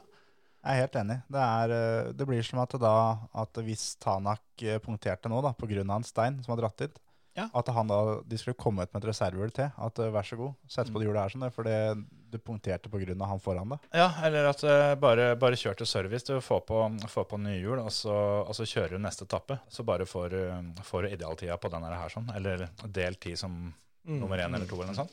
Det, det er ikke sånn det funker, Det liksom. er helt sjukt. Helt drøyt. Det er ikke, har aldri vært og burde aldri bli sånn rally er, eh, er satt opp. Nei. Men han fikk jo tilbake tid på etappa etterpå også. Det er en litt annen situasjon. For der eh, Det er kommer en, det en sperrevakt som er inne og vifter til den. ja, Mm. Har det blitt bekrefta at det var en, en offisiell vakt? Eller kan det ha vært en publikum her? Jeg tror det var en offisiell vakt. Jeg mener jeg leste om det. Ja, Jeg òg tror det, for han står, står og vifter med en rød, rød vest, og det, det hadde jo vaktene på seg. Og der tror jo Craig Breen at eh, han får beskjed om at etappa er, Er ferdig, ja. er kansellert. For det, det står en mann midt i veien oppå, oppå et krøn med det som ser ut som et rødt flagg, da, og Mm. armene i, i, i kors. Og så kommer han jo over kuren og finner ut at det er jo da igjen Gus Greensmith, da, selvfølgelig, som bare, bare har stoppa på et sted som ikke var farlig. alt det her sånn, Så han kan jo kjøre videre. Men der, der får han tilbake det, det faktiske tidstapet. da. Og det, den syns jeg er fair. Det er så lenge det er en off offisiell vakt. Så. Men, Ja. men hadde det vært en publikummer, Ja. da syns jeg ikke han skulle fått Nei. det. Nei, nei, nei. Det, det er helt sånn som det er. At det er en vakt, så er det greit. For da Da har arrangøren gjort noe gærent. Ja, for det, det er på en måte at hvis han da hadde bare dura på, og Sigurd Screensmith hadde dratt av så heftig at det kom trær inn i bilen og, Ja, eller at han sto rett bak kulen, sånn at Ja. du må treffe Ja. bilen. ikke sant? Sånne Ja. type ting. Og sånne ting, og han ikke hadde bremsa ned, Ja. så hadde det vært helt sjukt. Så Ja. ja. du bremser ned en gang for mye enn en gang for lite Ja. i de situasjonene. Og det er, jo, det er jo sånn at uansett om det er en vakt eller en publikummer som er på den haugen, så må Breen faktisk bremse ned. Men eh, hvis det er en publikummer, så er det igjen Det er en sjiraff, da. Mm, mm. Ja, i utgangspunktet er det det. Ja, Så det er ditt eget valg ja, hva du ja, gjør. ja. Men eh, han, han må fortsatt bremse. Men eh, ja.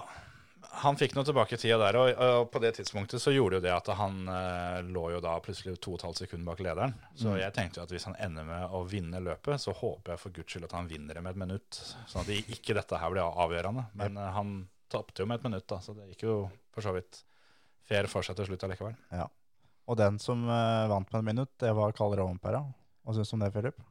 Jeg syns det er moro, jeg. Første seieren hans, så Altså, han begynner jo å få rutine, men der ser du litt det der med mm, ungt pågangsmåte òg, da. Ja. Uh, at, uh, at det er ikke bare rutinen som teller. Men uh, nei, jeg syns det var veldig moro at han endelig satt den. Tidenes yngste vinner. Mm. Tok, tok rekorden fra, fra Latvala. Mm. Sin egen teamsjef. Mm. Og jeg syns det er kult. Og jeg leste på Dirtfish før løpet, som Colin Clark og David Evans sa det at at uh, vi ser det at det er mange som sier Tanak er favoritt og sånn. Glem det. Det er Kalle som er favoritten. Ja. Uh, det er ingen Hundai som kommer til å vinne løpet her sånn. Uh, det var også da Mea om alle Hundaiene hadde kommet Ja, ja. til mål. Ja. For det, Toyota er den bilen som går best på raske veier. Mm. Og Kalle er den som kjører fortest av Toyota-førerne på raske veier. Mm. Så han vinner, liksom. Og det, det er deilig når sånne så heftige eksperter, Mm. når de sier noe, og det faktisk bare går inn. Jeg tror jo at det, det er langt ifra sikkert at han hadde vunnet hvis eh, Tanak eh, ikke hadde fått trøbbel. Det er jo umulig å si, for det Kalle kunne garantert kjørt fortere eh, både lørdag og søndag om han hadde vært nødt til det. Ja. Og Tanak eh, altså, Det er veldig mye rart som kunne skjedd, men uh, Tanak setter jo på en måte litt sånn skapet på plass òg, når han begynner å, å kjøre superrally igjen. og jeg tror det var Neville som eh, kommenterte det, fordi han fikk spørsmål om uh, hvorfor han tapte så mye tid til Tanak. Og han sa at eh, Tanak han, eh, han eh, kjører så fort som det går an når du kan veien. Vi andre kjører på noter, og da er dette så fort det går. så Men det, Tanak også sa det, at uh, nå spurte han at uh, hvorfor setter du de tidene du gjør, For nei, jeg har ingenting å kjøre for. Mm. Jeg kjeder meg hvis jeg tar det rolig. Mm. Jeg er at, nå er jeg for at jeg sjøl skal ha det gøy. det er Og- testing. Ja, nå, jeg syns det er kjedelig å kjøre sakte, Mm. så da kjører jeg så fort jeg kan. Jeg. Det har nok litt å si med at han har vært nødt til å kjøre sakte ganske mange ganger, for han har jo begynt å bryte en god del løp, Yep. og da har han jo bare pusla gjennom for å kjøre power stage. Nå vant han postage selv om han pusha allikevel. Ja, og så spiller egentlig de fuck all rolle om Ja. uh, han får fem eller ett poeng, for det, dette, dette året er jo over for Tanaks del. Så tror jeg han bare ville sette et sånt Bare bevise da, Mm. at uh, dette er hva, hva jeg kan. Hvis, hvis jeg ikke hadde brutt på fredagen, så, så skulle du faen meg slite med å kjøre fra meg. Men eh, apropos Hundai, så er det da og Mm -hmm. Han er ute i hardt vær om dagen, altså. For det Ja. Der har eh, han ble målt til 190 km på transport Mm. På vei til nest siste prøve. I stage mode. Ja, den filmen ligger jo ute på YouTube. eh, Eller Oi. det er noen som har filma. Jeg har ikke sett den, jeg har bare, bare lest en situasjon. Du tror du står midt inne på fartsetappet. Der er Hornål, Ja, altså et, et veidele som på transporten, hvor folk har parkert bilene og unger som går i veien og sånn. Kommer inn der, bare napper ned gir, håndbrekk og bare dæljer på av gårde. Ja. Så hører du i slutten av filmen at det er en ganske deilig for nedbremsing litt lenger borte der. For det er smeller i noen potter og litt Scandinavian flick, og så er det bare videre. Skriker inn i Pirelli. Ja, ja. Så han fikk en helt drøy bot, og har fått det at det blir du tatt på transport igjen nå, så ryker neste løpet ditt. Ja, han, han fikk eh, 2500 euro i bot. Mm. 25 000 kroner. Og han fikk eh, en sånn eh, suspended raceband, som det heter. At, ja. men han må bli tatt i mer enn 30% fartsoverskridelse Mm. for at den, den skal slå inn. Så hvis han blir tatt i å kjøre for fort, så må han kjøre nok for fort. Ja. Og jeg syns jo at Fia snart må, må på en måte ta seg sammen litt her. Mm. Og skjønne hva som skjer. For det, det greiene der er bare ikke greit. Nei. Og jeg trodde faktisk det er, Jeg er ganske sikker på at det er sånn her i Norge at blir du tatt uh, i å kjøre for fort, så for fort, så tar vi førerkortet ditt. Mm. Og da, da er du ferdig. Og Det har jo skjedd før i rally. Petter Solberg mista lappen Ja, uh, på vei til Power Stage i Sverige, som uh, Chris Patterson, kartleseren, måtte kjøre, Ja. måtte kjøre Power Stage. Men jeg mener at Fia der de har ett valg, og det er å sette ned foten, statuere et eksempel og ta lisensen. Ja, altså det står Road Safety. Ja. Uansett hvor du ser Fia sin logo, så står det Road Safety Ja. under. Uh, I alle andre motorsporter, som altså Formel 1 og rallycross osv., så, videre, så skjer jo ting inne på en lokka bane. Ja. Så der er det ikke så mye med road safety å gjøre. Men i rally, da, så på en transportetappe, du skal ikke kjøre for fort. Da skal du statuere et godt, altså være et godt eksempel for alle andre. Ja. Du kjører fort uh, fra A til B inne på førsteetappene, og så holder du deg til, uh, til reglene når du kjører på transporten. For det er liksom det at uh, han, han ble ikke tatt i jeg håper 92-80. Det er 190 km i Mm. timen på transportetappe. Det er tett Toppfarta på de bilene, er ikke det 194? Jo, det Han har ligget ble vel 199 i helga, men Han det er tett opptil, da. han har ligget tett opptil turtallssperra på sjettinger. Han har antageligvis hatt turtallssperra, men uh, Han ble ikke tatt der. Nei, nei, men disse, disse radarapparatene har jo, har jo sånn Ja. feilmarginssone. Sånn at eh, han har antageligvis ligget på turtallssperra. Mm. Eh, Men så pga. det fratrekket så blir han da dømt til 190. Mm. Så, Det er helt perverst, faktisk. Ja, det er helt uakseptabelt å si at det hadde kommet uh, altså, en unge da ut i veien. altså Bare det derre Hvor mye det hadde ødelagt for sporten. da. Mm. Eller om han hadde i det veidelet, da. Han veit jo ikke at det står noen biler på utsida der. Nei. At han hadde bremsa litt seint Mm. og dælja inn i noen biler med folk som pakker ut. altså Og det, det veidelet som det er video av da, på, på YouTube, det er bare ett veidel. Ja. Det, vi Ja. veit ingenting om hva som skjedde på resten av transporten. Det- Og Og han har, jo, han har jo vel, ettersom jeg har fått med meg, så har han ikke akkurat lagt skjul på at dette her skjedde heller. Det, det, det kan han heller ikke, men at han var liksom åpen på det. At de kjørte for fort fordi de skjønte at de kom til å komme, komme for seint. Og det, det var jo De kom for seint. De sjekka inn for seint, fikk ti sekunders straff. Og da klarte jo da VRC-reporteren å spørre hva skjer, er det taktikk? Og da svarte han tilbake at uh, hvis det er taktikk, så er det jævlig dårlig taktikk. Ja, han endte jo med å ende opp 12,5 sekunder bak uh, Craig Breen på andreplass, Mm. inkludert 10 sekunder eh, tidstillegg som han hadde.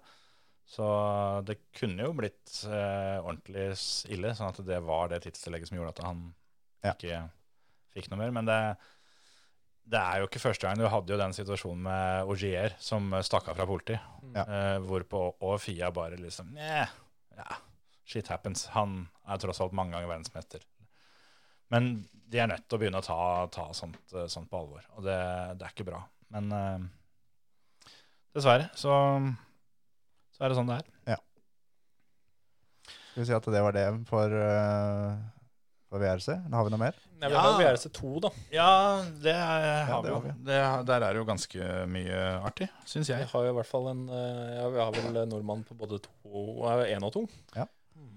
Og igjen, da, bare for å skyte inn det kjapt, eh, så er det jo ikke VRC2 som er kjappeste bil. Det er jo en VRC3-bil som vinner. Mm. Eh, nå har jeg ikke satt meg 100 inn i åssen de nye, nye reglene blir med rally, rally 1, 2, 3, 4 og sånn der. Men jeg håper at de har endra på det nå. De skal det fra neste år i hvert fall. Ja, ja. Mm. For det, det har jo skjedd før, og Mm. det er bare teit. ja, det er jeg helt enig. Å stå og feire en seier når du ikke er kjappest, det blir Ja. litt sånn merkelig. Men eh, det er jo ikke, det er jo ikke førerens feil. Nei. Det var jo Mikkelsen da, som vant Ja. foran Østberg. Ja. Østberg hadde jo all verdens problemer Igjen. igjen. Og han har sagt det nå, at eh, hvis ikke eh, teamet klarer å fikse alle de problemene, så møter ikke han opp til Ypres rally. Og, og, og, det sa han ikke altså samme kvelden. Det har han hatt noen dager til å roe seg ned på før han sier det. Men veldig mye av problemet og veldig mye av kritikken hans er jo på at han driver og punkterer. Ja, nå, nå har var det mye bremser at, eh, og servo, servostyring. Ja, ja, det var det i tillegg, men han, han hadde vel flere punkteringer òg, hvor du hører tonen hans at vi punkterte igjen. Og jeg veit ikke hva, hva jeg skal gjøre for å unngå disse punkteringene. Og, så han sier jo så tydelig som han kan uten å si det, at eh, jeg blir aldri Pirelli-ambassadør, Mm. for å si det sånn. Jeg tror ikke han tar over den stafettpinnen etter eh, Peter Oliver. Nei. Men jeg syns han leverer et jæklig bra løp. eh, og holder på å klare å vinne til tross for alt det. Men en ting som over mange år egentlig har forbausa meg så veldig, er at han som er en så utrolig gladgutt, han blir så Altså, det høres så destruktivt ut når det går dårlig for han. Han er så i kjelleren. Ja, han går helt ned. Det, um... Jeg håper at det ikke er tilfellet at det bare høres sånn ut. Det, eller at han på en eller annen måte er fryktelig god til å kanalisere det inn i kjøringa si. eller et eller annet. For det, det slår meg det at eh, dette her er jo ikke bra for noen. Det er ikke bra hvis du er jobbsøker som han er, da, opp mot, mot større team. og inni mitt hus så kan jeg ikke skjønne at du er den beste utgaven av deg sjøl som, som sjåfør heller, da, når du er i det mindsettet der. Alt er gærent, og alt er eh, Ja, det er liksom ikke noe håp igjen i verden, virker det som. Nei, men det kan han kan, som du sier, kanalisere sinnet sitt da, over eh, For jeg veit jo sjøl hvor mye bedre det går hvis jeg er ordentlig forbanna. så, så, um, så det er nok uh, Kan nok hende at han gjør det, men det er som du sier, han skal Han vil jo tilbake i de øverste divisjonene. Mm. Og jeg som arbeidsgiver hadde ikke ansatt en person som hadde vært så destruktiv, da. Jeg føler at den eneste muligheten hans for Mats Østberg, det er Toyota. Mm. Han går ikke til Hyundai. Det er helt sikkert. Der er det fullt. Han kommer aldri noensinne til å gå tilbake til M-sport. Der har han prøvd seg en gang, likte seg ikke, kom tilbake en gang til, fant ut at hei, jeg liker meg fortsatt ikke her. Nei. Gått ut igjen. Så M-sport er det som det er ute av verden. Mm. Hvis han skal opp da, da er det kun Toyota igjen. Eller nye, Nye team, ja. nye team som kommer inn. Og han er mer enn rask nok. ja. Han, han beviste faktisk det nå i helga, at han kjører fra Mikkelsen. Mm. Og Det er et steg han har tatt nå de siste årene, etter at han egentlig kom over i VRC2. Mm. For uh, Før så var han jo rask. Man Mm. var liksom ikke helt der oppe. Nå har han fått det siste toppnivået. Jeg syns han gjør også veldig, veldig mye riktig utafor bilen med tanke på involveringa si med kommentatorteamet og sånne ting. At han bygger eh, sin egen merkevare internasjonalt på en veldig smart måte. Med tanke på at han er en populær fører som eh, Ja, at det kan være noen aksjer, da, med tanke på å få seg jobb. Men eh, jeg tror dessverre heller ikke at han eh, kjører VRC neste år. Nei. På en måte så ufattelig kjipt selvfølgelig for han, men, men jeg må jo si at uh, det er synd at VRC2 ikke får mer medietid. For det, Mm. er jo en, det er jo en klasse som er mye, mye mye råere enn toppklassen. Ja, altså Jeg syns det nesten er mer spennende å følge med på tidene der Ja, ja. Ja, ja, eh, I, i. Sinnssykt tett. Mm. Og aldri avgjort noen verdens ting, på en måte. Og denne helga òg så var det jo nok et løp hvor Oliver Solberg eh, ikke kom så mange kilometerne. Hvor han faktisk eh, måtte, måtte gi seg helt. Det var ikke noe superrally noen ting. Han fikk noe overoppheta motor og noe issues med det. Mm. Men han, du kan hive inn han i tillegg, da, for jeg tror at han hadde også vært oppi, Ja. oppi der med dem. Og Mm. Nå er det da til Ypres Rally, som er neste, så skal Hyundai da stille med den nye bilen, altså Ja. neste års bil, med Jari Huttunen og Oliver skal kjøre de to. mm, Det blir veldig spennende å se åssen de er mot Citroengen, mot Skodaen. mm. Uh, se åssen da neste års bil faktisk er, for Mm. jeg har litt på følelsen at den bilen er sinnssykt bra. Mm. Jeg tror også det. For det- er det er en bil som veldig mye rundt Oliver òg, tror jeg. Så Ja. det um, Den, er, den bilen virker som er bygd litt med Petters filosofi. Jeg tror det. Ja, i hvert fall så har det endt opp sånn, tror jeg. Etter at den, eh, den bilen har vært i Torsby og gått gjennom, eh, gått gjennom pressa der noen, noen turer. Så det tipper jeg at det der, der begynner å sitte. Har blitt justert noen differ. ja, det er garantert uh, at uh, Cuddy har vært inne og jobba med diffa der, altså. Men eh, jeg kom på en ting til jeg burde tatt i stad. Med han derre russeren som er kjappest. eh, Lukianok. Liker Ja. Er ikke han polsk? Nei, russer. Russer. Han var faktisk, det er nesten litt flaut, men han var for meg forholdsvis ukjent. Så jeg lurte på hva, her er det noe feil. Eh, Her er det en, eh, en fyr ikke jeg vet hvem er, som driver og kjører fra alle de andre gutta. Det, det stemmer jo ikke. Men han ble vel europamester i fjor. Ja. Mm, Han slo vel Mikkelsen i EM nå forrige. Ja. Ja. Men han kjører jo egentlig ikke Skoda. Han driver jo og kjører en annen bil, og dette var første løpet hans i Skoda. Ja. Og så, Han, han kjører Ford, han til vanlig, gjør han ikke det? Nei, Citroën. Citroën. og så hopper han inn og kjører Skoda eh, og parkerer guttene. Ja. Det er ganske sjukt. Men eh, apropos han, var det ikke du som sendte meg Rulla ikke han på Powerstage? Det var det jeg lurte på. Det stemmer, det. Det var Lukianok, det, Det som rulla over et hopp på Powerstage, men vant allikevel. Ja, og kommer inn med, med Altså, hadde det vært en, en powerstage på et hvilket som helst annet løp, så hadde den brutt. Ja. Men det her var jo powerstage var jo på service. Mhm. Det, de kjørte rundt servicen. For det høyre bakhjulet hans sist, det hadde 45 grader eh, gærne veien, for å si det sånn. Så det hadde umulig gått an å kjøre mer enn den halve kilometeren med. Han hadde flaks sånn sett, altså. Ja. Lukianok er rå. Ja, han er rå. Kjører fort, han har kjørt fort lenge, han. Men Ja. han har satsa mye da i Europamesterskapet. Mm. Eh, Faktisk en av russere som kanskje ikke har råd til å kjøre WRC. Så Ja. Altså, han er en voksen type òg. Han Mm. er vel på alder med meg, tror jeg. Mm. Så, For, for det er da i Team Solberg, TV-serien som er der, når Oliver fighta mot en lokal eh, helt som har kjørt mesterskapet Ja, er lenge. han, ja. Det er han han fighta mot. Ja, ja, stemmer. For det var liksom kjent med navnet, men så bare Nei. Jeg, det må jeg ha hatt fra en eller annen fotballspiller som heter det samme. eller sånn, sånt, tenkte jeg først. Han er rå type. Rå type. Han er sånn der sånn Ja, det, enten går det, Ja, eller så går det ikke. Ja. Det, det er liksom den filosofien han kjører etter, tror jeg. Beviser jo det med den En typisk russer. Ja, typisk russer. Jeg mener før Latvia òg, Ja. som var um, eh, runden, altså siste Europa runde i Europamesterskapet, da, EM. Så skrota han jo en sånn C3 helt på testen på mandag. Så den bilen han kjørte med da på i løpet, den var bare rett fra fabrikken. Mm. Perfekt. Det er en god start. Ja. Det var en annen som gjorde det litt uh, Hadde en liten rollercoaster i Estland òg. Min Hva- favoritt i Estland. Jari Nei, Sean Johnson. Ja, Sean Johnson. Ja. Ja, Han kjørte fælt. Han klinte inn på fantasy-laget ditt. Ja, klinte inn på Fantasy-laget og rulla. Jeg vet ikke hvor mange ganger jeg rulla. Jeg. Nei, Det var mange. Det var sju-åtte Det var en sånn rulling som du hadde, eh, Kjetil, på Grenland. ja, jeg hadde fire og tre kvart. Ja. Ja, Nei, da han, han dobla det, tror jeg. Ja, det tror jeg. Men jeg hadde halvannen uten å tørse bakken. da. Ja, jeg tror han hadde flere uten å tørse bakken, faktisk. Jeg vet ikke om han var i bakken. Jeg, Da må jeg få sett dem. jeg så intervjuet med ham dagen etterpå. Han var helt blå i øya, for det var så mye blodkar som hadde sprengt. Så det var eh, Det er så deilig.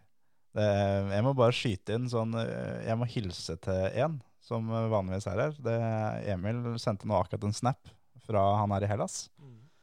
Og av en øl som er ganske duggfrisk. Og så hei til Emil. Ja, Du er, du er en kødd. Da får vi prøve å jekke den ned med at uh, når han sitter der nede og har brukt masse penger på å komme seg til Hellas for å ha 29 grader i skyggen, så er det det her, her hjemme òg. Mm, ja. Så uh, vi fikk det billigere enn deg. Det gjorde vi. Sjøl om uh, ølen og maten sikkert smaker litt bedre hos Emil. Jeg gjør nok det. God ferie. Ja, god ferie. god ferie, Emil. Apropos rulling her, var det ikke eh, nå i helga som hun Molly Husker jeg ikke etter. Molly Taylor Ja, som hadde med seg Seb Marshall. Hun òg klarte å få vurpa til litt ordentlig. brukte bil, hun òg. Det ble brukt noen biler ned der. Ja, og så er det sånn, I sånne løp, da når du først bruker biler, Ja. så er det ordentlig. Det, det går, eh, går på dunken, da. Ja.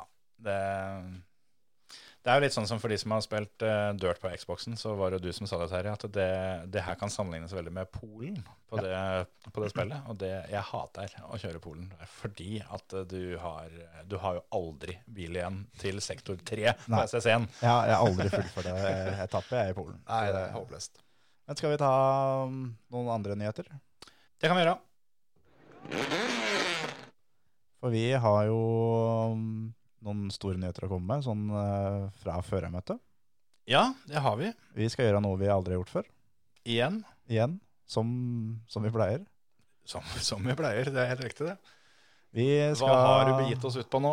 Eh, vi skal være hva jeg har begitt oss ut på. Ja, det var faktisk kanskje jeg som kom med ideen først, men det er du som har ordna det etterpå. Ja, jo, ok da. Greit. Vi skal være Du veit det kanskje ikke, du? Nei. Jeg er spent. Vi skal være spikere på Talentrace i Grenland. Mm. 180 biler er påmeldt. Vi skal ikke banke oss inn i plank, men vi skal, vi skal gjøre det vi gjør nå. Vi skal prate litt. Være kommentator her, Ja. Det blir stas, altså. Det blir skikkelig moro.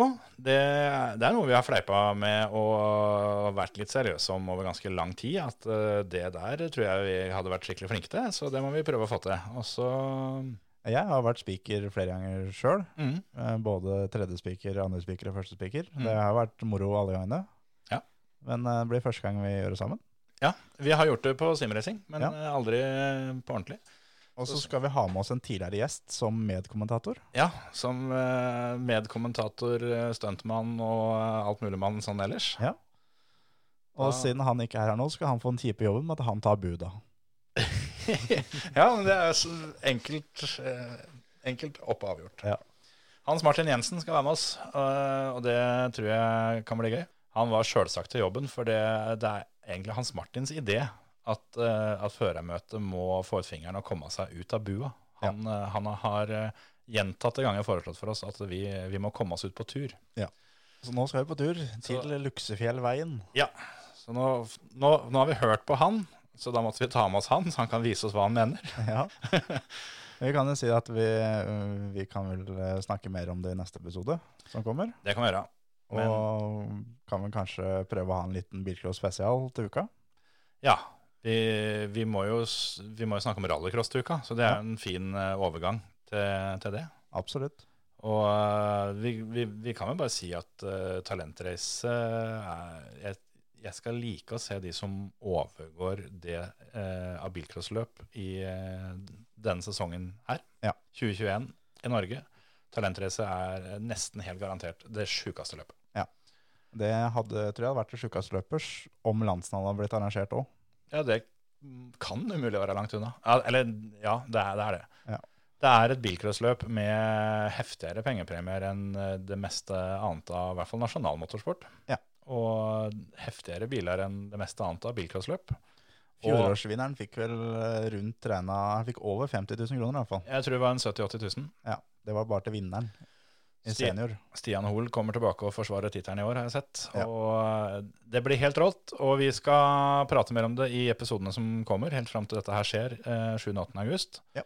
Og det blir muligheter for å kunne vinne seg noe publikumsbrett her, altså. Ja. Så det er bare å følge med. Så vi får til. Så må vi Vi har jo ikke noe særlig å Altså, vi må ha noe En liten odds-bit. Du må kjøre jingle. Odds. Odds. Odds. Odds. Penger i fòret. Odds! Odds, odds, odds, odds. Ja da. Odds. Odds. Kjør odds. Odds! Det er litt vrient siden eh, denne helga her. Vi har ikke noe særlig tips å komme med. For eh, det er jo ikke VRC, og det er ikke Formel 1, og jeg tror ikke det er noe NASCAR heller. Så jeg tror ikke Kulbeth har så mye odds. Nei. Men eh, om det skulle dukke opp noe odds på eh, sesongstarten til VM i rallycross, så kan jo det være mulighet. Men da får vi heller vri det til at vi får skryte litt av oss sjøl. Åssen det, det gikk i helga som var. Du var jo inne på det i stad, Terje, at uh, du hadde spilt uh, Hamilton til å vinne Formel 1 og Karl Rovanperä til å vinne i rallyen. Yep. Gikk ikke så verst, det. Det gikk ganske fint. Det var uh, penger i fôret, rett og slett, som det heter. Apropos det, det, jeg har et tips forresten å komme med. For det, vi var inne på det i stad med Sebastian. Og eh, jeg så at på Kulbeth så står han til 1,40 i odds for å bli verdensmester. Så alle pengene du ikke har bruk for fram til november, er det bare å få satt på det. Ja. For du får rett og slett 40 rente på penga, og utbetalinga skjer midt i november. Akkurat i tide til å kjøpe julegaver. Det er plundrete å se åssen han ikke skal klare å bli verdensmester i år. Jeg klarer ikke å se noen som kan ta han, jeg. Ja. er, det fire løp igjen? Og han er for ja, altså han kom, kommer til mål i alle de resterende fire løpa. Ja. Og han tar bare gode poeng i alle de fire løpa. Neste løp er på asfalt i tillegg. Mm. Om Som han, han- da starter først på veien, som er en Mm. fordel. Han leder med så mye at om han bryter og får null poeng, og Elfin Evans på andreplass tar makspoeng, så leder fortsatt opp. Han har et løp til gode. Ja. Så han blir verdensmester. Det er 1,40 odds, så 40% rente på de penga fram til november. Det, det er det eneste minuset, er at du må vente til november før du får penga tilbake. Men du hadde jo en øh, for så vidt grei oddshelg, du òg. Du, Ja, ja, det endte bra opp. Du satt jo ganske mye spill sånn i rein aggresjon omtrent når Perez skulle starte fra pit lane. Da var det sånn head-to-head-dueller med da Perez mot George Russell, Perez mot Lance Stroll. Ja, jeg, jeg spilte Peres til å ikke komme av topp seks. Jeg trodde jeg hadde spilt den til å ikke komme av topp ti, men, eh, så jeg var litt nervøs der et lite øyeblikk. Og så spilte jeg samtlige head-to-head-dueller mot Peres, da. For eh, oddsen så ikke ut til å egentlig ha skjønt at han skulle starte bakerst. Eh, Det så ut som de eh, trodde han skulle starte oppi der han, der han pleide, for han hadde vel oddsen for å komme på pallen var en 2-10 eller noe sånt. Det var helt latterlig. Mm. Så derfor så tenkte jeg at her må vi bare smi. Eh, hadde jo flaks at det, der gikk det inn alt sammen, bortsett fra Fettel, da, som, som brøyt. Og um, liveodds-spilling på, på VLC fortsetter jo å være enklere enn å gå i, i minibanken. Så jeg hadde god helg. Jeg bare litt synd at jeg ikke hadde tid til å følge med enda mer. For jeg fikk veldig sjelden spilt på første loopen, for den begynner så tidlig. Og jeg Ha ferie. fikk, fikk lov å sove eh, ut et, et par morgener av kona, så da fikk jeg ikke sett eh, den første loopen. Vi kommer tilbake med mer odds når det er, med, er mer odds. Det, det gjør vi. Og vi har jo en eh, konkurranse som er løpende. at alle som ikke har Kulbeth-konto, som åpner seg en Kulbeth-konto og sender oss eh, et bevis på det, et, eh, en screenshot eller et eller annet, så fikser vi litt bonus da ute. Skal, vi, skal vi trekke ut noen av det, alle de nye. Ja. Eller så skal vi, skal vi lage en konkurranse for tippe hvem som vinner VM i rallycross, eller blir det litt sånn snau tid, kanskje? Eh, Vi har ikke noe bedre å by på. jeg veit jo hvem som vinner førsteløpet. Det er Johan Kristoffersson. Ja, Veit du det? Ja. Ja, ja, da er det lurt å tippe det, da. Eh, Det er mye kulere hvem blir nummer to. Det blir Timmy Hansen da, eller eh, Kevin. Ja. Timmy som eh, savner Andreas Bakkerud så mye at når Andreas ikke skal kjøre, så har han bare rappa leveren hans. det er ganske Det er, spesielt. eh, For dere som ikke har hørt da forrige ukes episode, hør på den med Andreas Bakkerud. For da det, Jeg hørte på den uh, på ferien og kjente at det hatet mot uh, Sør-Sverige, det, det, det øker. Ja. Det, um, det stemmer i grunnen, det. Ja. nei, det er 17 biler påmeldt da, til eh, VRC, nei, VRC, til um, rallycross-VM, sesongåpninga i Barcelona til helga. Johan Kristoffersson eh, står øverst på startlista, og Terje tror han kommer til å stå øverst på resultatlista. Ja. Så vi, vi kjører den konkurransen der. Tipp hvem som blir nummer to, Ja. siden du ville ha det, da. Ja. Så eh, skriv det i, i Facebooken vår. Vi prøver å få laga en, konk- en konkurransetråd, eller så bruker dere bare en annen tråd. Så finner vi det uansett. Jep. Så um, av de som tipper riktig, så trekker vi en vinner av en oddsbonus fra Kulvet. Ja. Hvem blir nummer to, Philip? Tipp topp tre, ja. Altså, Johan vinner. Johan vinner. ok? Uh, nå, er ikke jeg, altså, nå har ikke jeg fulgt med på noe uh, startliste for rallycross, men jeg, da tipper jeg uh, Sikkert litt upopulært, men da tipper jeg eh, Timmy og Kevin da, på 1 og 2. Nei, 2 og 3. Ja. Selv om jeg ikke håper det, men det er de tre navnene jeg veit som står på lista. Terje? Eh, Johan vinner. Eh, Niklas Grødland blir nummer to. Eh, Timmy blir nummer tre. Ja. Eh, jeg tror Da får jeg gå for Eller det. kjører han der Napik? Eh, Nei, han er ikke, han er ikke påmeldt. Nei. Han er ikke påmeldt, altså. Han er Men, ikke- Han er over 80, er han ikke? Han ser i hvert fall sånn ut. han er ikke noen konfirmant, for å si det på den måten. Jeg hadde jo Hva het han for noe? Han der som kjørte rally nå sist, hva het han? Han på 90 og noe. Han Ja, ja, favorittføreren ja. min. ja. Jeg har glemt hva min egen favorittfører er. Sloboslav eh, et eller annet greier. Ja, ja. I og med at jeg heier, i og med at jeg heier på han, så må jeg heie på Napik òg, hvis han skal kjøre. Ja, det må, må. Uh, jeg får tippe at uh, Niklas Grønholm vinner. Og uh, så tror jeg at Timur blir nummer to, og at uh, Timo Scheider blir nummer tre. Lykke til. Det, som dere skjønner, så tror jeg det smeller en eller annen plass. Yes. Ja. Vi får håpe det. En seierspall uh, uten Sverige uh, ville vært veldig overraskende. Ja. Det, det er lov å håpe. Det er lov å håpe. Du sier at det, dette var det. Vi kommer tilbake til uka, prater om uh, rallycross, en del bilcross og mye talentrace. Og ellers alt annet tull vi måtte finne på. Ja. Ha det bra. Ha det. Ha det.